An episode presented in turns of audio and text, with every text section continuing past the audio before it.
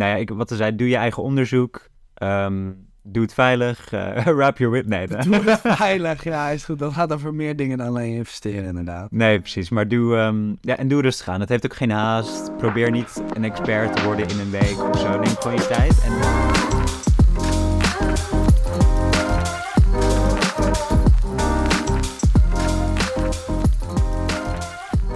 Hoi allemaal, welkom bij aflevering 5 van Voorkennis, waarbij we lachend jouw businessweek doornemen. Ik ben Joshua en ik ben hier vandaag weer met Noah. Eh, en vandaag, wat ik zei, onze vijfde aflevering, een beetje onze, onze Lustrum-episode. Ja. Ehm, en daarvoor gaan we het een beetje anders doen dan gewoonlijk. Ehm, wat we deze week namelijk willen gaan doen, is we gaan het niet echt over het nieuws hebben. eh, maar we gaan eigenlijk een hele aflevering doen over beleggen. En hoe jij als, nou ja, als student of als starter of nee, we nemen aan als wat jonger persoon ehm, kan beginnen met beleggen eigenlijk. Ja, precies. Gewoon van, eh, als je er niet veel over weet, maar we hebben het er natuurlijk wel over gehad dan sommige podcasts van, weet je al, beleggen, heel interessant. Maar als je niet helemaal weet hoe dat snapt, kan het denk ik ook wel eng zijn soms. Dus dan gaan we het er vandaag een beetje over hebben hoe je dat, hoe je dat zelf kan doen eigenlijk. Ja, precies. En ook, eh, we gaan het ook hebben inderdaad over hoeveel risico je kan nemen. Dus ehm, je hoeft niet bang te zijn dat je nu al je, al je geld eh on the line moet zetten. Eh, we gaan het gewoon hebben over nou ja, hoe, je, hoe je ook heel veilig kan beleggen eigenlijk. Ehm, dus ja, voor iedereen wat je wil eigenlijk, wat je nodig hebt, gaan we deze episode over hebben.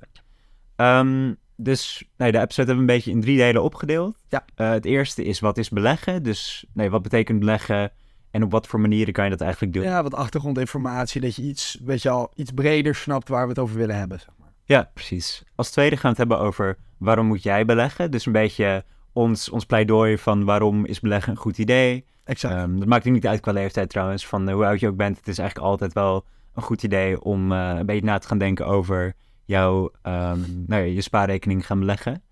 Eh, en ten derde, hoe kan jij beleggen? Dus dan gaan we het hebben over, nou je zit nu de podcast te luisteren, hoe kan jij over 10 minuten je beleggingsaccount Ja, gewoon iets hebben? praktischer. Dat we niet alleen vertellen van dit en dat en heel theoretisch, maar dat je ook daadwerkelijk kan beginnen. Dat je die stap kan maken, want uiteindelijk is dat wel het belangrijkste natuurlijk altijd. Ja, precies. Van we kunnen het natuurlijk hebben over nou ja, allemaal mooie statistieken en zo. Maar het, belangrijkste is natuurlijk dat jij ook echt aan de slag kan met beleggen. Dus we Ja. gaan het ook hebben over beleggingsplatforms in Nederland.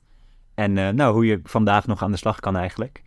Ehm, nou ja, voordat we beginnen, luister nog aflevering 4. Dat eh, hadden we vorige week opgenomen. Is, eh, vinden wij zelf een van onze betere episodes. Dus- 100%. Ik denk dat we ook iets meer gesprek voerden. En ik denk dat dat wel echt een, een leuke aflevering is om te luisteren als je dat nog niet hebt gedaan. En ja, Dat was wel echt een nieuwsaflevering. Maar, eh, ja, precies. Dus dat eh nou ja, leuk om terug te luisteren. Ehm, dan nog volg de TikTok. Ja. Eh, we hadden een TikTok laatst die het eh, ja, wat beter deed. ja, we zijn viral eigenlijk nu. maar ik wou het niet zeggen, maar influencer. Nee, helemaal niet. Maar het is wel leuk om te zien, want we posten op de Insta ook wel veel van die TikToks. Maar soms zijn er ook wel wat exclusives op TikTok. En dan is het wel leuk om dat te zien. En misschien de comments, dat soort dingen. Dus eh Ja, precies. voorkennispod en de Insta is exact hetzelfde. Ja, exact. Dus check dat even. Ja. En als laatste is het belangrijkste voor deze episode, denk Ja. ik. Maar alles wat we noemen is geen financieel advies. Dus ook als we nou, iets noemen van statistieken of een broker. Ehm, alles is echt geen financieel advies. Dus we kunnen daar niet verantwoordelijk voor gehouden worden. Nee, precies 100%. En uiteindelijk is het belangrijkste dat je zelf ook je research doet. We willen je alleen helpen om gewoon in de goede richtingen te Ja, gaan. exact. Ja. En daarna moet je wel zelf kijken wat echt bij jou past. Ja, precies. En doe inderdaad goed zelf je eigen onderzoek. Ja. Ehm, wij, we zijn nu alleen maar om suggesties te geven en om voor amusement te doen. Ja, precies. Wij zeggen het zelf ook altijd van als wij research doen, weet je wel, vertrouw niet alles. Dus vertrouw ons ook niet altijd. Maar natuurlijk wel meer dan, dan de andere Ja, resources. Maar- Maar alsnog, weet je wel, kijk zelf en eh, Ja. zoek het zelf op. Ehm, Oké, zijn we ready om... Yes, om- laten we beginnen met eh, het eerste deel. Wat is beleggen? Dus we gaan even beginnen uit te leggen wat beleggen eigenlijk is. Ehm, dus als we het hebben over, over beleggen of investeren, dat, noemen we, dat gebruiken we een beetje interchangeably.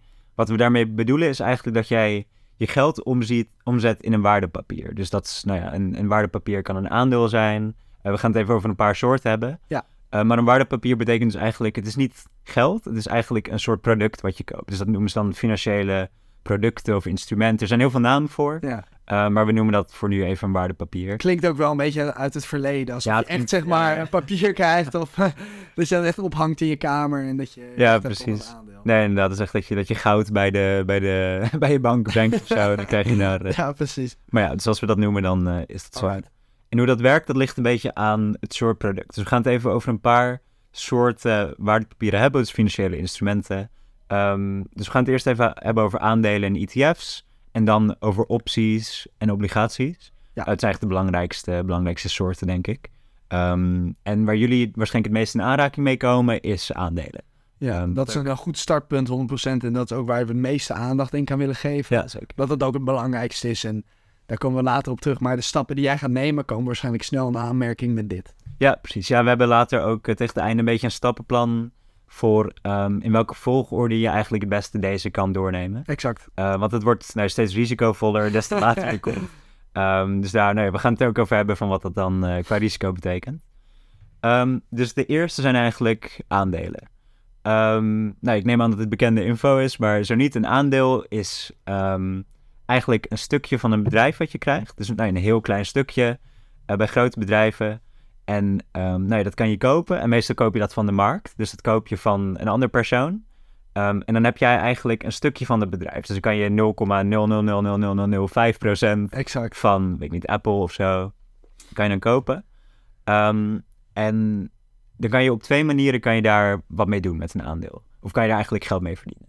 Ehm, de eerste is een koersverschuiving. Dus nou, een aandeel wordt meer of minder waard. Net zoals de, de waarde van het hele bedrijf meer of minder waard wordt. Ja. Ehm, en jouw stukje groeit daar natuurlijk bij mee. Dus ja, precies. Je koopt het voor 10 euro en uiteindelijk is het 12 euro waard. Dan is dat verschil een soort van jouw winst. Ja, exact. Dus dan, eh, dat is eigenlijk vrij, vrij simpel hoe koersen kunnen schuiven. Ehm, nu, we komen nu eigenlijk meteen al bij een heel groot stapje, maar dat is, hoe weet je nou wanneer koersen verschuiven? Dat is de, de hele financiële wereld gaat hier om. Dat is eigenlijk het, het enige Ja, het om draait. Exact. gewoon, hoe kan je dat weten? Ja, als wij daar een antwoord op hadden, dan waren we nu miljardair. Ja, en dan zouden we waarschijnlijk ook echt niet met jou delen. nee, precies, dat is dan alleen voor Ja. ons. nee, daar gaan we het ook later nog wel over hebben, inderdaad. Maar eh, ja, niemand kan dat eigenlijk eh, consequent doen. Nee, precies. Ja, we gaan zo inderdaad even Ja. wat dieper op in wat we daarmee bedoelen. Maar ehm, hebt inderdaad dus de koers die verschuiven. En de grootste manieren waarop dat kan gebeuren is als eerste kwartaalcijfer. Dus een bedrijf die deelt gewoon hoeveel winst ze hebben gemaakt. Ja, precies. Of dat goed gaat met het bedrijf of niet. Dat Ja. reflecteert wel een beetje, ja. Ja, de waarde van het bedrijf. Ja. Ja, precies. Ehm, en dat is nou eens per kwartaal. Dus dat, volgens mij zitten we nu, ja toch vanaf 1 april is het einde van het eerste kwartaal. ja, dus we zijn, we zijn nu in kwartaal 2 inderdaad. Ja, dus er zijn, ik weet, zijn, er, zijn er bedrijven die nu een cijfer... Nou, volgens mij heeft dat zo, vaak is dat ook wel vertraagd natuurlijk. Want ze moeten wel die cijfers eh, opronden en daar een document van maken. Dus dat kan ook vertraagd. Maar volgens mij zijn er vaak wel specifieke weken echt... dat de meeste kwartaalcijfers naar voren worden gepusht. Maar ik weet niet precies wat de data zijn. Nee, precies. Je hebt er van die agenda's voor. Ze doen het heel dicht bij elkaar. Ik weet niet of dat een reden heeft, maar ehm van de dat kan je, nou ja, het is vrij droog, maar je kan het op zich wel volgen. Ik denk dat het ook wel leuk is om af en toe even te kijken. Exact. Ehm, de tweede is wereldgebeurtenissen. Dus je hebt natuurlijk, kijk, je hebt bedrijven los die verschuiven, maar bedrijven hebben natuurlijk ook heel veel met elkaar te maken. Je hebt de hele markt die gezamenlijk op en neer gaat. Ehm, dus dingen als COVID, toen is elk bedrijf eigenlijk wel omlaag gegaan. Ja, 100% ja. Ehm, 9-11, hetzelfde. Gewoon de oorlog in Oekraïne. Ehm, ja, de hele, de hele markt schuift eigenlijk wel mee. Ja, iedereen wordt een beetje bang en eh, je investeert minder snel geld. Dus dan gaat dat natuurlijk ook snel omlaag. Ja, exact. Ehm, nou, de tweede manier, dus de eerste manier waarop een aandeel kan verschuiven is koersen. En de tweede is dividend. Ehm, en dividend betekent eigenlijk, is dat het verschil per bedrijf, hoe vaak dat gebeurt volgens mij? Ja, 100%. Dat, Eh. je, je kan ook kiezen volgens mij om gewoon geen dividend. Echt, eh, Ja, precies. Heel veel bedrijven doen het ook Ja. niet. Eh, maar de, de- nou ja, vaak wat oudere bedrijven, die doen dividend uitkeren. En dat betekent eigenlijk dat je een stukje van de winst krijgt. Dus als je een Ja. aandeel hebt, dan krijg je, het is niet veel hoor, maar ik bedoel een paar, een paar euro krijg je dan als dividend. Ehm, nou ja, als een soort stukje, een soort van winstuitkering eigenlijk van het bedrijf. Ja, exact. Ehm nou ja, het is, kijk, voor ons als, als persoonlijk belegger is dat vaak niet heel relevant. Maar je moet je voorstellen dat er natuurlijk fondsen zijn die 100 miljard in de aandelen van één bedrijf hebben. Ja. Dus dan krijg je natuurlijk wel een paar honderd miljoen. 100%. Miljoenen binnen. Ja, nee, dan is het ook inderdaad het meer waard. Maar voor jou, als je inderdaad een eh, aandeel hebt en dat is een paar honderd euro waard, dan krijg je inderdaad een euro of twee, waarschijnlijk dividend of zelfs nog veel minder. Dus dan maakt het voor jou niet heel veel uit. Maar inderdaad, als jij dit Nee. op een schaal doet van miljoenen of miljarden, dan tikt Ja. het wel snel aan. Ja, precies. Ehm, nog, nog één ding wat ik even kort wou noemen bij aandelen is dat ehm, de prijs van een aandeel, dat, of hoe ik daar altijd een beetje over denk, is dat je moet voorstellen, dat heeft altijd te maken met hoe succesvol gaat een bedrijf zijn. Hè? Dus het gaat gewoon met vraag en aanbod. Ja. Ehm, en mensen hebben ook altijd een beetje dividend in hun achterhoofd. Dus als een bedrijf winstgevender is, dit kwartaal, eh, zoals Apple bijvoorbeeld, dan denkt de markt dus, oh, ehm, ze gaan veel dividend uitkeren bijvoorbeeld, dus er komt meer vraag naar een aandeel. Ehm, dus de, aandeel, de waarde heeft altijd, nou niet altijd, we gaan het later hebben over dat het niet per se over winst hoeft te gaan, maar meestal is winst wel de doorslaggevende factor. Dus Ja, 100%. Uiteindelijk moet natuurlijk een, eh, als bedrijf is jouw doel om winstgevend te zijn. Dus dan reflecteert dan natuurlijk ook wel de waarde een beetje van als jouw bedrijf... Dat is natuurlijk wel lastig, want je hebt ook bedrijven zoals Uber die helemaal geen winst Precies, maken ja. heel lang en alsnog veel waard zijn. Maar vaak is dat wel goede maatstaf. inderdaad. Ja, inderdaad. En dan kunnen we het later nog even hebben over dus het geval waarbij een bedrijf eh, zoals Uber dus geen winst maakt, Ja, wel eh, hoog van waarde geacht wordt. Ja. Eh, en, eh, ja. Nee, 100%. En ik denk eh, ons volgende onderwerp een beetje de opties. En dit is eigenlijk iets waar, denk ik, jij als je nu luistert en je begint net met aandelen, zeker voor lange tijd niet in aanmerking mee komt. En ik denk eigenlijk ook heel veel mensen in hun hele leven niet. nee, Maar het is wel belangrijk een beetje om te weten hoe het snapt. Want eh, ja, opties is eigenlijk dus van het derivaat van een eh, aandeel. Of het kan ook een product zijn zoals olie. Daar hebben we het ook over gehad met Ja. eh, Aramco een paar afleveringen geleden. Eh, en dus het belangrijk is dat je in plaats van eh, wat we net zeiden, dat aandeel echt koopt. Weet je, dat waardepapier ook hebt, dat je dan niet zo werkt. Je koopt niet het onderliggende aandeel. Maar meer een contract op een eh, bepaalde prijs in de toekomst. Dus bijvoorbeeld, Apple is vandaag 165 euro waard. En jij denkt, over een paar maanden is het 170 euro waard. Dan koop jij dat contract voor die 170 euro. En als die prijs daarboven stijgt, dan maak je dat verschil. En anders maak je die winst. eh, of dat verlies, sorry. Ja. Ehm, en het eh, belangrijke hiermee is ook dat eh, het vaak heel veel leverage gebruikt. Dat betekent dus dat jij vaak heel veel contracten koopt en eigenlijk maar een deel van het geld neer hoeft te leggen. En waarschijnlijk vaak is het van 10% en 90% legt een soort van, nou bijvoorbeeld die instantie zoals een bank of iets anders legt voor jou neer. Dus je kan eigenlijk met 10 keer meer geld spelen dan dat je eh, hebt. dan dat je hebt. Ja, ja. En dat klinkt natuurlijk heel mooi, maar het is gelijk ook heel gevaarlijk. Ja. Dus, eh, maar dit heeft ook veel meer met speculatie te maken, risico en of jij echt een beetje, eh, weet je al, de markt kent. Dus eh, ik zou je aanraden om dit zeker niet te doen voor een Nee. tijd. Ik, ik, volg, ik doe dit ook helemaal niet. En eh, niet dat ik nou heel veel weet over de markt, maar misschien wel iets meer. En ik denk dat heel veel mensen het ook wel eng vinden en ook wel met een reden. Ja, 100%. Ja, wat je zei. Van ook, het, is, het is gewoon heel gevaarlijk voor. Want nou, ja, sowieso gewoon mensen in, die gewoon loon krijgen, bijvoorbeeld. Is het heel gevaarlijk om met meer geld te spelen dan dat je hebt. Ja, precies daarom. Dus dat kan, dat kan heel leuk klinken, omdat je denkt van, oh, misschien investeer ik, weet je al, 100 of 500 euro. En dan eh, maak ik daar een paar procent op. Dat voelt niet als heel veel, maar dan doe ik het met 10 keer zoveel, 5000. En dan is dat Ja, dan- opeens wel veel. Ja. Maar ja, eh, dat geld kan dus ook heel snel eh, weggaan. Ehm, dus dat een beetje voor de opties. Ja, dus let er goed op. ehm, ja, wat we al zeiden, be- begin daar zeker niet mee. Nee, nee, nee, zeker. Ehm, even kijken, als derde hebben we obligaties. Dat is eigenlijk de minst risicovolle van allemaal. Ehm, heel simpel gezegd is een obligatie een soort mini-lening. Ja. Dus ehm, nou ja, een obligatie, je hebt staatsobligaties, dus de overheid doet dit veel. Ehm, heel simpel gezegd is dat gewoon dat jij de overheid bijvoorbeeld 1000 euro geeft. Ehm, het ligt een beetje aan de soort obligatie volgens mij, maar gewoonlijk, stel we zeggen je geeft de overheid 1000 euro en die obligatie loopt 10 jaar. Eh, dus tot, zeg maar, maturity betekent wanneer de obligatie afgelopen Exact. is. Dus je hebt 10 jaar tot maturity.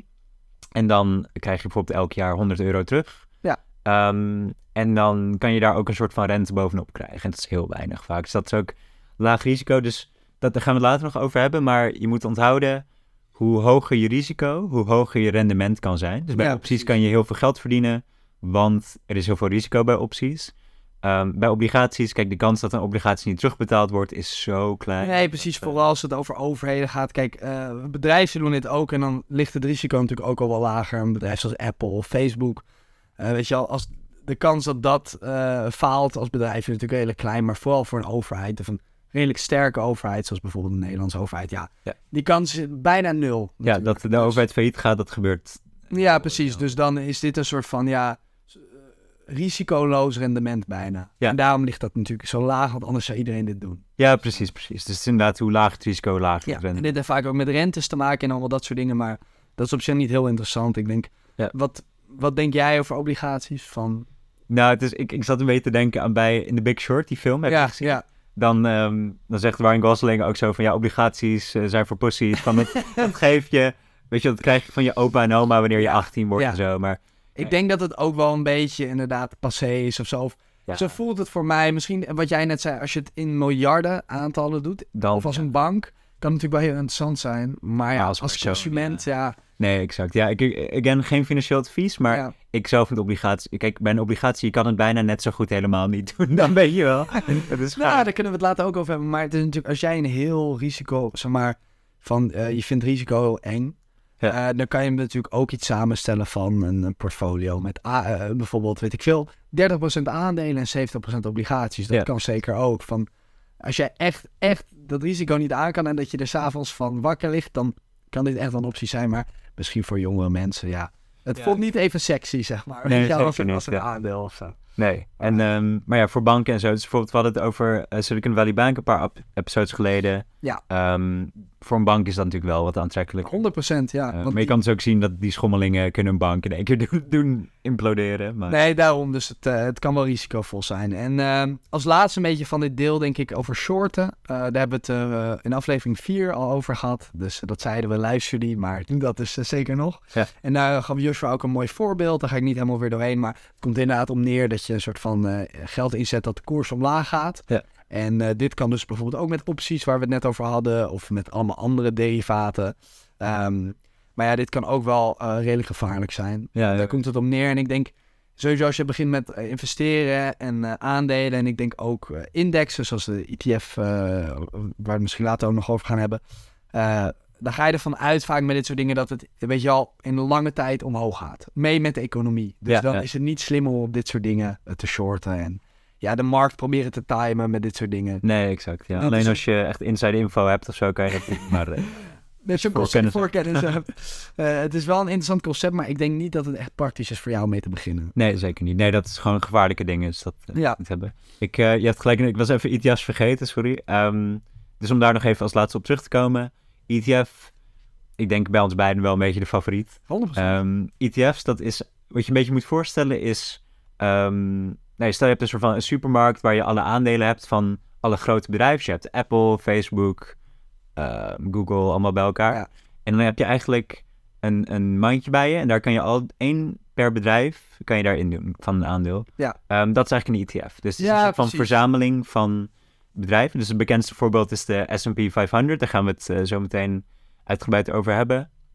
Eh, wat het eigenlijk is, is een soort van mandje van een... eh, Supermarktmandjes, ja, ja. ja, van de, nee, de 500 meest waardevolle bedrijven in Amerika. Exact. En ehm, het is eigenlijk ideaal, want je krijgt dus een, een mandje, een, een product. ehm, en je groeit dus mee met de 500 grootste bedrijven van Amerika gezamenlijk. Ja, die En- dus wel redelijk goed doen vaak. En het is Ja. ook wel een beetje een redelijk goede reflectie van de markt. Want we nemen natuurlijk niet per se die, die kleinere bedrijven mee. Maar ja, over het algemeen is het natuurlijk... eh, weet je al, dit is, is gespreid over allemaal verschillende sectoren. Dus het, heeft meer, het reflecteert meer de economische situatie als geheel. Ja. Dat het omlaag of omhoog gaat. Ja, exact. Ja. Dus een, eh, wat zei ze, de S&P is de bekendste ETF, dus gaan we het er nu over hebben.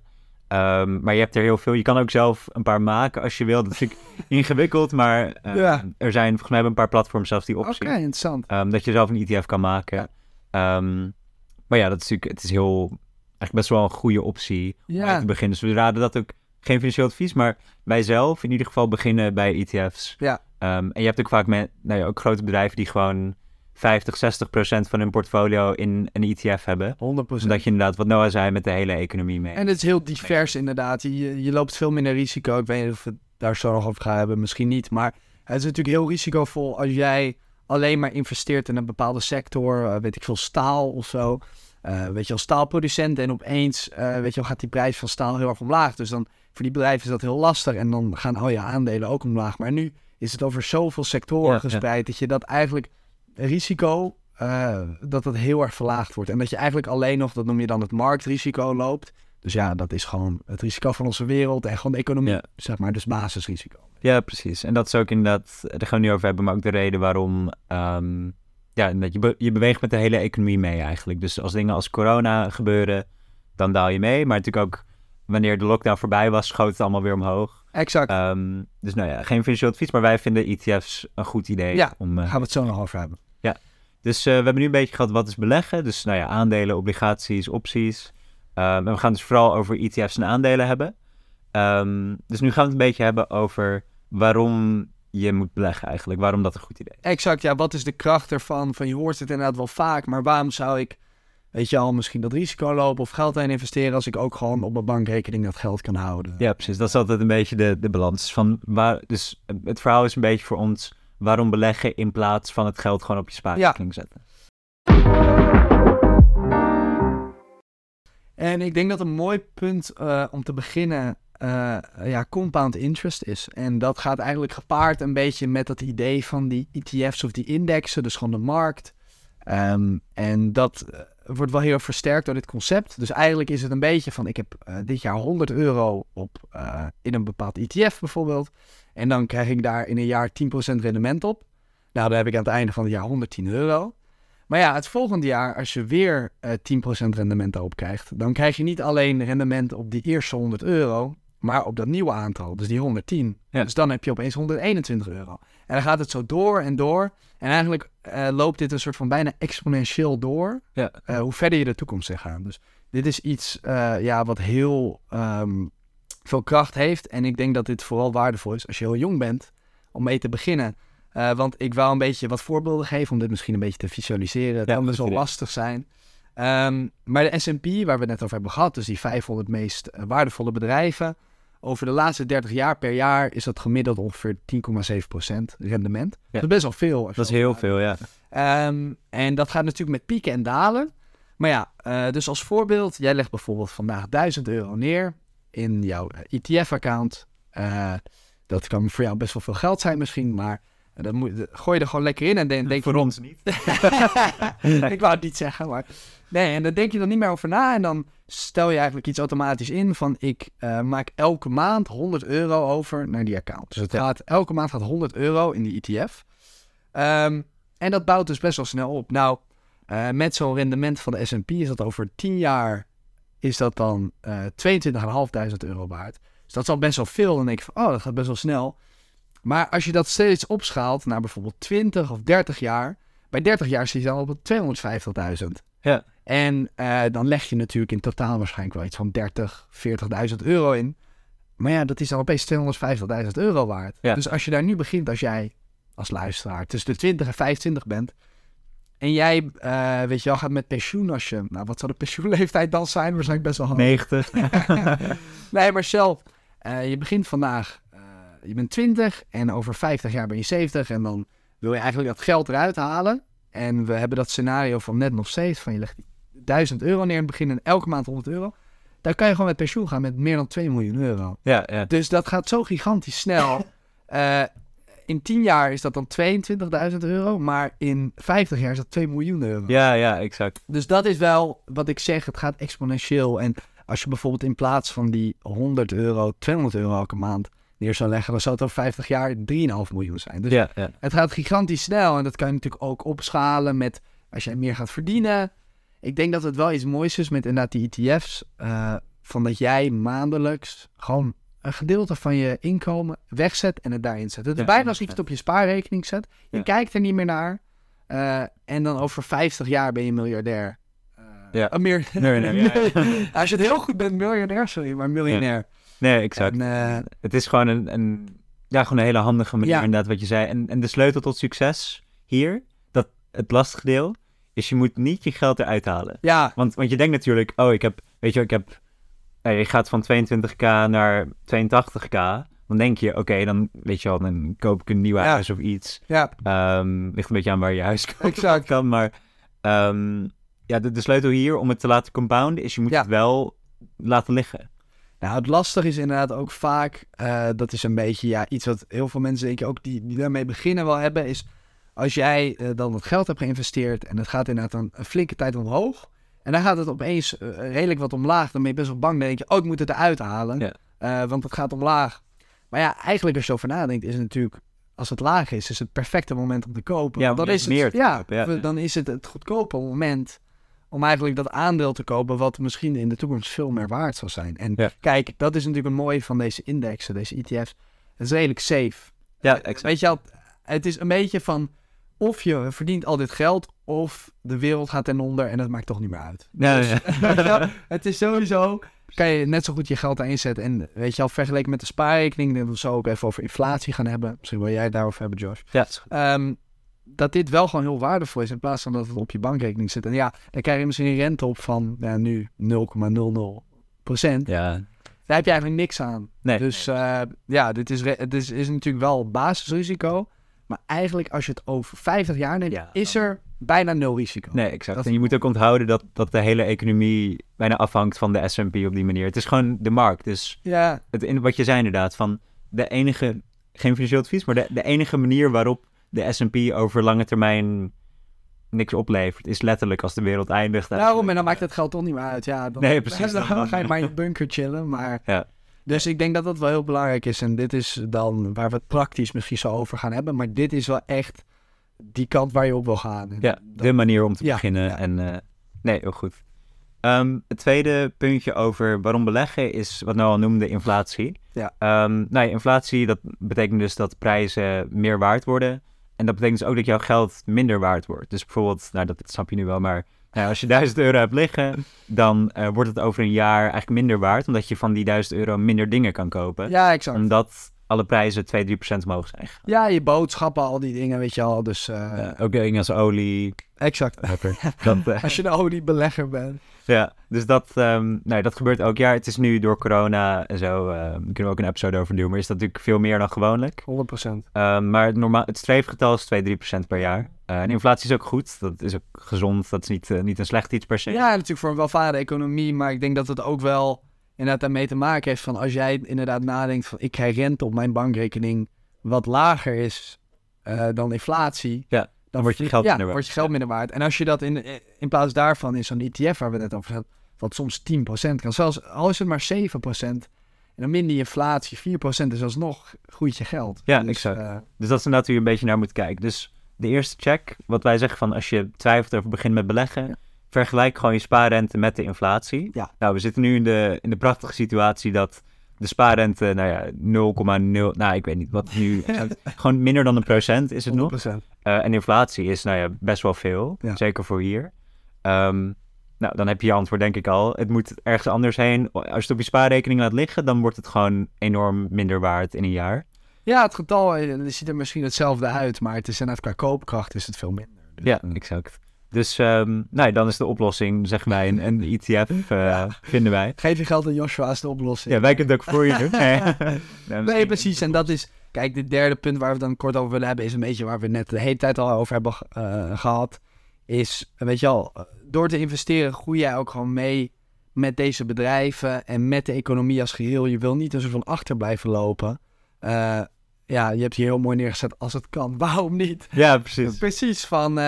ja, om, je- om je geld dan een soort van neer te zetten. Ja, in je, in je bankrekening nul risico. Maar ja, je geld wordt gewoon minder waard. Is een gemiste kans Ja, eigenlijk. exact. En we moeten, kijk, officieel is het mantra een beetje, je moet alleen geld inleggen wat je klaar bent om te verliezen. Ja. Maar realistisch gezien, kijk, de S&P, wat we al zeiden, hij gaat niet naar nul. Dat kunnen we vrij, Nee. met vrij veel zekerheid noemen. Het kan veel omlaag gaan. En ik, ben- kijk, ik denk misschien zelfs als je nu luistert, is dit wellicht een heel goed punt om te kopen. Omdat we natuurlijk een beetje in, In een dip, ja. in een dip zitten, wat al wel een beetje weer omhoog gaat. Maar ja, ehm, eh, wat jij zegt inderdaad, van wa- waarom zou je dit niet doen? Het is gewoon heel jammer als het allemaal op je bankrekening bij staan. En het risico is inderdaad... En je moet erover nadenken, we hebben het over risico als je over tientallen jaren kijkt. Ja, precies. Zeker ook. Kijk, we kijken natuurlijk een beetje vanuit ons perspectief. We zijn wat jonger. We hebben nou minstens 50 jaar voor ons aan tijd waarin je kan beleggen. Ja, hoop ik voor je. Ja, ja, als het goed met je gaat. Ja, inderdaad. Maar dat, nou, dat is gewoon enorm veel tijd. In die tijd gaat het sowieso echt, zeker als je compound interest hebt, heel veel geld. En dat is ook waar ik denk soms dat het wel een blokkade kan zijn voor mensen. Het klinkt natuurlijk wel stom van, oh ja, dan heb ik over 40, 50 jaar zoveel geld. Maar ja, anders zit het maar inderdaad op je spaarrekening en dan doe je er niks mee. Dan kan je net zo goed nu gewoon, wat het is, kijk, ik wil niet zeggen dat 100, nu is misschien 100 euro eh, per maand wel een redelijk deel van je, van je inkomen. Ja, het kan nu ook lager zijn, gewoon wat jij zegt, wat je even kan missen. Ja. Koop nu even niet een nieuw shirt of zo. Ja, precies. Laat het in de markt Ja. en wacht ermee. En, dan En later- dat- sorry, ja. Nee, zo, en later kan je misschien dat, dat ehm, weet je wel, procentueel kan het misschien hetzelfde blijven. Dat je bent van elke maand 20% van mijn inkomen stop ik hierin. Ja, Ja. dan groeit het zo snel. Ja, precies, precies. Het is een beetje dat, ehm, ik weet niet of het een meme was of zo, maar ik zag een keer dat iemand zoals van je kan nu een iPhone kopen. Oh, dat is altijd van die, van die grindset account. Maar zeg maar, je, ja, je kan nu een iPhone Hashtag kopen. Sigma, hashtag Alpha, let's go. Ja, ja, exact. Van, je kan nu een iPhone kopen, maar je kan ook Apple aandelen. Of dat eh, van die staats van als je in 2008 in plaats van een iPhone kopen en, Ja, en- precies. en, eh, die aandelen had gekocht, die prijs in aandelen en nu had gewacht, dan had je nu 10 miljoen op je rekening of zo. Dus dan, Ja, als je in plaats van in 2007 een iPhone had gekocht, maar aandelen, dan had je nu Apple kunnen kopen. Ja. Helemaal, weet je. was je nu Dr. Apple. Ja, zit je nu op Bali. Van, Ja. eh, ja, precies. Nee, maar ehm, Nee, het is, het is inderdaad wel misschien een beetje een grindset. eh zeg maar mindset dit, maar eh, het heeft natuurlijk wel een kern van waarde. ja, precies. Van, we, we snappen ook dat dat een beetje... Kijk, we zijn natuurlijk ook twee, twee guys die nu een beetje een podcast over finance maken, maar het is... Wow, wow, wow. Je kan, je, kan, je kan ook gewoon je eigen onderzoek doen. Er zijn ook gewoon academische papers Ja. die dit heel duidelijk laten zien. Dus doe ook je eigen Met onderzoek. meer vooral. onderbouwing inderdaad. Maar dit is Ja. die richting die we een beetje op willen sturen. Van kijk hierna. Ja. En je zoekt het, dus je kan het zelfs op YouTube waarschijnlijk opzoeken. Gewoon van, wat is de S&P of hoe werkt het? Dat Precies, precies. Van, ga zelf dat stapje verder, maar de, ja, de getallen liegen er niet om, laten we het zo zeggen. Oké. Ehm, goed, dan nog even een stukje over... eh, je weet nu dus wat beleggen is en je weet nu waarom je zou moeten beleggen. Ehm, maar er zit nog een stukje achter, namelijk... Wat voor soort belegger ben je eigenlijk? Dus, dus Iedereen is anders natuurlijk. Precies. Ehm, dus wat, wat ik daarmee bedoel is eigenlijk, hoe wil jij je geld beleggen in wat voor stijl? Dus we hadden het eerst, eerder al over eh, een portfolio. Dat betekent gewoon jouw, jouw beleggingsmapje eigenlijk. Precies. Ehm, en je kan daar dus in kiezen van hoeveel wil ik in aandelen. Dus bijvoorbeeld de helft in aandelen en de andere helft in obligaties. Of in opties. Je kan je helemaal zelf in het opbouwen, procentueel, of gewoon wat je leuk vindt, wat je niet leuk vindt, wat bij jou past. Ja, precies. En dat, nou, dat is best ingewikkeld. Van, zei, nou, Noah's eh, hele studie gaat er bijna over van hoe Ja, kan je een portfolio het beste indelen. Ehm, dus ik heb even eh, een paar soorten beleggers op een rijtje gezet. Ehm, en wat je moet onthouden is wat voor soort belegger je bent hangt af van hoeveel risico je bereid bent te nemen. Ehm, We gaan een soort van BuzzFeed, BuzzFeed quiz doen. nu. ja, exact. wat voor soort belegger ben je? Ja, precies. Maar ehm, ja, dus eh, mocht je hier meer over willen weten, een kleine shout-out naar eh, een podcast die heet Jong Beleggen.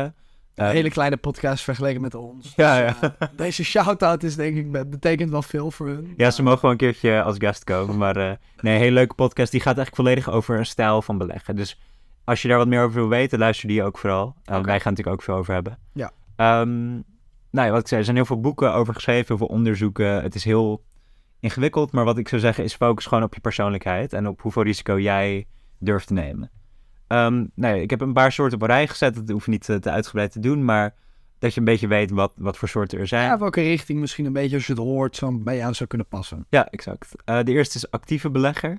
Ehm, dus dat betekent dat je heel vaak koopt en verkoopt en dat je eigenlijk op kleine marktschommelingen meegaat. Dus dat je als het ware bijna dagelijks eh, op je account kijkt en dat je dan aandeel koopt en verkoopt gebaseerd op dagelijks nieuws. Ja, dus dat je vaak wakker ligt s'nachts. Ja, over, best, eh, ja. prijswisseling. Ja, je hebt ook, ook daytraders bijvoorbeeld. zijn mensen die, die letterlijk hun, hun werk is om voor de computer te zitten en dan naar grafieken te kijken. Ja, en binnen secondes vaak inderdaad. Ja, Ja, ja. dat verschil. En dat is natuurlijk waar we net ook over hadden. Als je altijd als het over meer geld gaat, of je zet meer geld in, dan kan er natuurlijk in een paar seconden ook heel veel uitkomen. Precies, Maar- precies. Ja, er zijn bedrijven die dus echt eh, nee, in minuten handelen en daar miljoenen per dag mee Exact. op en neer gaan. Ehm, nee, ik zou het persoonlijk afraden, want het is, het is niet echt een levensstijl die je wil, denk ik. Nee, dit is echt inderdaad iets waar je misschien als je, als je jaren mee bezig bent en je studie en je passie gaat hier echt richt, die richting in. Ja, kan je dan. proberen, maar zeker beginnend raad ik het niet aan. Maar ja, als het heel erg bij jou past, doe het. eh, maar het is geen financieel advies als je het wel doet. Nee, exact. De, de tweede is wat beter misschien, dat is passief ehm investeren. Dus dat betekent dat je portfolio wat breder is. Dus dat, dat heet di- diversificeren. Dus dat betekent dat je een diverse portfolio hebt, waar, eh, zoals bijvoorbeeld een ETF. Exact, en dat is Ja. waar we net ook over hadden, dat diversif- die... Diversificeren. Ik weet hoe ik het in het Nederlands moet zeggen, maar dat als je diverser je hele portfolio opbouwt, dan gaat het risico natuurlijk omlaag. Ja. Eh, dat is een beetje het idee. Ja, en een passief is ook, je checkt niet vaak het account. Dat is een beetje, eh, nee, het is ook wel fijn, want dan, als je erin vertrouwt, dan heb je daar eh, nee, wat minder risico mee. Eh, het is wel een goed idee om dan wat meer onderzoek vooraf te doen. Dus dat je dan kijkt van welk bedrijf, denk ik, op lange termijn Ja. gaat het goed doen. En dan koop je dat en dan moet je dat voor jaren, zeker voor die compounding interest, moet je bereid zijn dat jaren te laten liggen eigenlijk. Ja, precies. Inderdaad, als je het met een index doet, dan gaat dat wel natuurlijker. Maar als jij, je kan natuurlijk ook echt doen wat je zegt met een bedrijf, waar je misschien zelf wel erg in gelooft. Of Ja. dat je echt denkt, dit is de toekomst. En dan doe je daar wat research over. Ja, dan leg je daar elke maand wat geld in. Of je, je, uiteindelijk is het met dat passieve wat jij zegt het een langere horizon van tijd. Ja, dat is belangrijk. Ja, dus als je nou, eh nou ja, excited bent over AI, dan is er een, een bedrijf dat ik in mijn Oh, hoofd heb wat... eh, Beginnen we weer. nee, moet je even aflevering 4 eh ja. Ehm, de derde is een groei-investeerder. Persoonlijk denk ik eigenlijk dat iedereen een beetje een groei-investeerder is. Ja, Ehm, maar wat het betekent is dat je vaak een beetje kijkt naar start-ups die heel snel groeien. Want dan natuurlijk, kijk als een start-up year on year, bedrijven als Adyen bijvoorbeeld, die groeien hun, hun omzet 50% per jaar. Dat is echt... ja, is echt ziek. Dat- Ehm, we gaan het zo nog even hebben over hoe dat met de prijs van aandeel te maken heeft. Ehm, maar dat, is, dat je focust op groeiende bedrijven. Het risico daarmee is wel dat dat heel populair is. Zeker in Amerika is dat echt de, de core van beleggen. Eh, dus vaak zijn die bedrijven ook overvalued. Eh, daar gaan we het zo over hebben. Maar dat betekent dus dat een aandeel eigenlijk te duur is voor wat je ervoor krijgt. Ja, er zit gewoon te veel hype bijvoorbeeld omheen. Van, Ja, ja, Ja, en dat, dat is een beetje net zoals als je Supreme, een Supreme baksteen koopt, dan is Ja. het heel veel waard. Wat Ja, nog steeds een baksteen ja, is. De intrinsieke waarde is eigenlijk niet heel erg. Maar het Nee, gewoon- het is een beetje de markt. Wat de maar het is wel grappig wat je zegt inderdaad. Van iedereen is natuurlijk wel een groei eh, investeerder. Van, je- hoe ben, je je bent niet een daling investeerder. Zo van, je wil, iedereen wil natuurlijk groeien. Ja, exact. Ja. Ja, Nee, iedereen wil dat, eh, wil dat graag. oké. Ehm, even kijken, de vierde is, is value. Dat, is nou, dat, dat zijn nou helemaal waar hele boeken en hele... dat is echt niet normaal hoeveel daarover is geschreven. Maar dat was heel populair in, zeg maar, na de Tweede Wereldoorlog. Dus daarom is dat heel... eh, Dus echt heel, zeg maar, gewoon doe dat nu, weet je. Ja, ja. Heel hip is dit, een beetje up and coming. ja, ja, als je nu met zo'n boek eh, er zit. Ja. Maar ehm, nee, dat is... Kijk, mensen als Warren Buffett, is een bekende belegger. Die, die heb je vast wel van gehoord. Die houdt daarvan. Ehm, en value beleggen gaat eigenlijk over heel veel onderzoek doen naar een bedrijf. En dan wil je eigenlijk de intrinsieke waarde vinden van een aandeel. Dus dat betekent, nee, een aandeel is een percentage van een bedrijf. Dus dan ga je heel diep onderzoeken, wat is dat bedrijf echt waard? Ja. Dus wat is de daadwerkelijke waarde van het bedrijf? En dan ga je kijken, is een aandeel fair valued? Dus daar gaan we het eh, zo meteen over hebben. Maar is dat aandeel ehm, goed geprijsd eigenlijk? Ja, reflecteert dat echt die waarde inderdaad, die prijs. Maar dus, eh, jij bedoelt ook echt kijken naar alle cijfers en ook in de context en Ja. misschien naar competitie en... Ja, de hele markt. Dat, is, dat zijn dus echt mensen die dit fulltime... Wall Street doet het heel veel. Ja, Ehm, dat zijn dus mensen die nou, ja, fulltime dit doen. Dus onderzo- heel diep Ja. onderzoeken. Eh, je hebt ook, ehm hoe heet ik weer, Bill Ackman volgens mij, is ook zo'n hedge fund ja, ik belegger. Die doet dit. Die heeft dus maar, zijn portfolio bestaat maar uit zeven, zes bedrijven. eh, waar ze dus jaren en jaren en jaren onderzoek naar doen. ja, echt heel En dan wachten ze en dan kopen ze heel veel van een bedrijf. En dan, eh, Nee, precies. Dat is inderdaad, en al- als het, zoals jij dat noemt, inderdaad undervalued is. Dus eigenlijk kan je het dus voor een goedkopere prijs kopen dan dat het zou moeten zijn. Oké, ik wil niet te technisch, maar ik heb inderdaad een positieve alfa. Dus dan... dus dan en dan gaat de beta en de gamma er helemaal niet. Maar dus dan, inderdaad, willen ze dat bedrijf kopen. En dan zou het normaal gesproken terug moeten gaan naar wat de prijs inderdaad Ja. echt eh, zou moeten zijn. ja, daar hangt inderdaad vanaf. Dus, dus ze zitten wel met het idee van uiteindelijk gaat een aandeel altijd naar zijn fair value toe. Naar de aandeel, Ja. naar de waarde die het intrinsiek, de soort van de echte waarde die het zou moeten En daar gaan we het later ook wel over hebben. Maar weet je al, belangrijke discussie is: kan je dit ook echt doen? Ja, ja. Ehm, kan je dit doen met publieke informatie? Eh, maar daar gaan we het zo wel even over hebben. Maar eh, Ja. Ja, ik zal nog even snel twee, ehm, twee soorten beleggers doornemen. Dus je hebt ook nog een indexing eh, beleggers. Dat is nou, dat je heel veel ETF's hebt en ook je eigen ETF kan samenstellen eigenlijk. Ehm, en de laatste is nou ja, een dividendbelegger. ik, ik heb er zelf bij gezet lame. Ik, ik hou zelf niet van dividend. Eh, ik vind het een beetje saai. Ik denk- denk sowieso op jongere leeftijd en als je met minder geld bezig bent, dat het bijna niet echt eh, rendabel is. Nee, Het is wel eens leuks om over na te denken van als ik later op een andere manier rijk voor, word en ik heb opeens 3 miljoen eh, euro liggen, dan investeer je dat allemaal leuk in eh hoge dividend aandelen. Ja. En dan kan je eigenlijk er een soort van van leven, weet je. Dan krijg je per jaar 80.000 euro binnen of zo. Maar ja, Ja. nu is dat het niet echt waard inderdaad. nee, exact. En eh, nee, ik had er ook nog even bij gezet. Misschien kunnen we dat ook nog wel even in de show notes ehm, zetten. Dus, dus van het document van de ABN. Daar kan je ook helemaal doorheen allemaal informatie over waar we net over hebben gehad. En ook een beetje van hoe kan jij die risicolevel meten.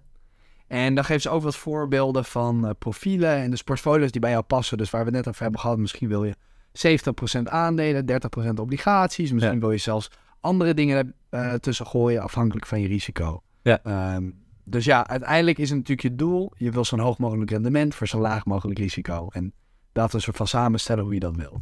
Ja, exact.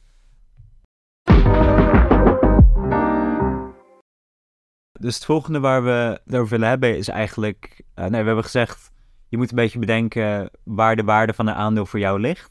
Um, het is net zoals bij de supermarkt, als iets in de bonus is of iets in de korting is, dan koop je dat eerder omdat in je hoofd is dat goedkoper dan dat je ervoor over hebt. Exact. Um, dat is eigenlijk een beetje hoe je met aandelen ook moet denken. En wat ik zei, hier ook zijn er duizenden boeken over geschreven.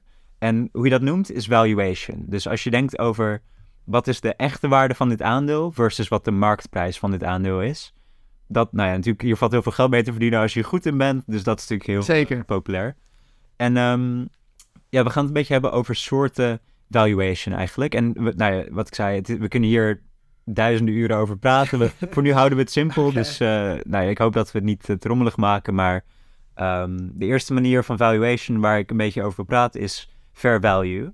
Uh, wat dat betekent is eigenlijk dat je dus zoekt, zoals ik eerder al zei, naar de intrinsieke waarde van een bedrijf. Dus de echte waarde dat het heeft.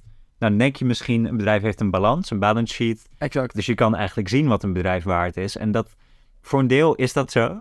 Um, maar je hebt ook heel veel dingen die je niet kan meten. En dat noem je immaterieel. Dus um, ja, aspecten van de waarde van een bedrijf die niet echt in geld te meten zijn. Ja. Uh, een bekende daarvan is goodwill. Uh, of de, de naam van een bedrijf. En dat betekent eigenlijk um, de, de waarde van een merk. Dus bijvoorbeeld Nike. Dat is, nou ja, het, het, shirt zelf is waarschijnlijk minder dan 10 euro waard. Maar we betalen er wel. Precies, je betaalt voor de naam. Ja. nee, dat is ook wel lastig inderdaad. Want je hebt ook heel veel bedrijven die zijn inderdaad, zelfs in wat ze produceren of de winst die ze draaien, zoals weet ik veel Tesla, uh, weet je al, redelijk laag. Of misschien lager dan heel veel competitie. Maar volgens mij is Tesla alsnog een van de meest waardevolle bedrijven. Of een van de meest waardevolle autoproducenten ter wereld. Ja. Dat is eigenlijk, die reflecteert dan natuurlijk heel gek de intrinsieke waarde van het bedrijf. Ja, precies. Ja. Nee, exact. Dat is ook Tesla is inderdaad altijd het voorbeeld van. En ook Uber van dat mensen zeggen. Ja, maar dit, dit aandeel is, is tien keer meer waard dan dat bedrijf. Want dat is toch gek dat de markt dat bedrijf acht op zoveel, hond, of een, tril, een biljoen zit ze Ja. nu, denk ik. Ja. Um, terwijl het bedrijf op zichzelf waarschijnlijk maar een fractie daarvan waard is. Ja, en dat is heel lastig, want dan denk je inderdaad waar we net over hebben gehad, eh, van, oh, dan moet dat wel omlaag gaan natuurlijk, die prijs. Van als dat zo ver, als die prijs van een aandeel niet de prijs van, ehm, of de waarde reflecteert. Ja. Maar ja, dan is het lastige ook van, soms gebeurt dat helemaal niet. Omdat Nee, nee. je ook heel veel van die, eh, weet je veel, knaap hebt op, eh, op allemaal Reddit-sites of zo. En die vinden Tesla en Elon Musk allemaal geweldig en dan blijft ze maar kopen. Ja, En ja. dan blijft die prijs dus van hoog. Dus dat is ook wat lastiger. Van, je kan niet altijd 1, 2, 3 zo denken van... Oh ja, eh, weet ik veel wat jij zei. Tesla, de marktwaarde is 1 biljoen. Maar eigenlijk met wat ze produceren is het maar 100 miljard waard. Dus dan moet het wel omlaag gaan. Maar Ja. dat is Nee, dus niet zo. Want anders zou iedereen dat doen. Precies, precies. dan... Ja, dat is inderdaad goed om te onthouden wat je zei. Van, ehm, ja, onthoud wel... Kijk, een aandeel die gaat natuurlijk met de marktwaarde mee. Dus wat mensen vinden. Dus dat is nou ja, met alles met vraag en aanbod. Ja. Eh, het is ook met bijvoorbeeld in, in Nederland in de echt 1700 dat je die tulpen, tulpenbollen crasht. Toen zeiden ze ook van, kijk, een tulpenbol is 100.000 whatever waard. Ehm, dat is natuurlijk allemaal gebaseerd op wat mensen ervoor over hebben. Ja. Ehm, nou, hetzelfde geldt met een aandeel eigenlijk. Oké. Ehm, ja, het tweede waar we het over kunnen hebben is dat de, de toekomstige waarde van een aandeel er ook in verwerkt zit. Dus dat is een beetje, nou, het heeft met pricing te maken. Kan jij een beetje over hebben? Ja, ik had het inderdaad opgeschreven en daar hebben we het net over gehad. En dat is wel een, eh, een concept wat handig is om over na te denken. Vooral misschien als je helemaal begint. Eh, hierin is het misschien niet helemaal logisch, maar kijk, de markt en eigenlijk de waarde van al die aandelen is altijd een soort van ingeprijsd. En dat betekent dat de markt een soort van vooruit kijkt, wat jij net zei. Ehm, dus alle publieke informatie die er is, alles nieuws over, we kunnen het wel even over Tesla hebben. Alle nieuws over Tesla eh, wordt al gereflecteerd eigenlijk in de prijs van dat aandeel. Ja, het, is ook dingen, het zijn ook vaak dingen als subsidies. Dat de Amerikaanse overheid zegt, we gaan eh, elektrische auto's meer subsidiëren. Dan wordt dat, komt dat inderdaad bij de prijs Ja, van het aandeel. En verwachtingen inderdaad van hoe dat gaat en ook in de toekomst. eh, als je denkt inderdaad elektrische auto's, wordt een groter deel van de markt dan niet. En dan eh, wordt die prijs al zo van gaat omhoog. En ik had een beetje een voorbeeld eh, opgeschreven, opgeschreven van eh, bijvoorbeeld Google, die dan nu eh, eh, 100 euro is. En die gaat binnenkort cijfers posten.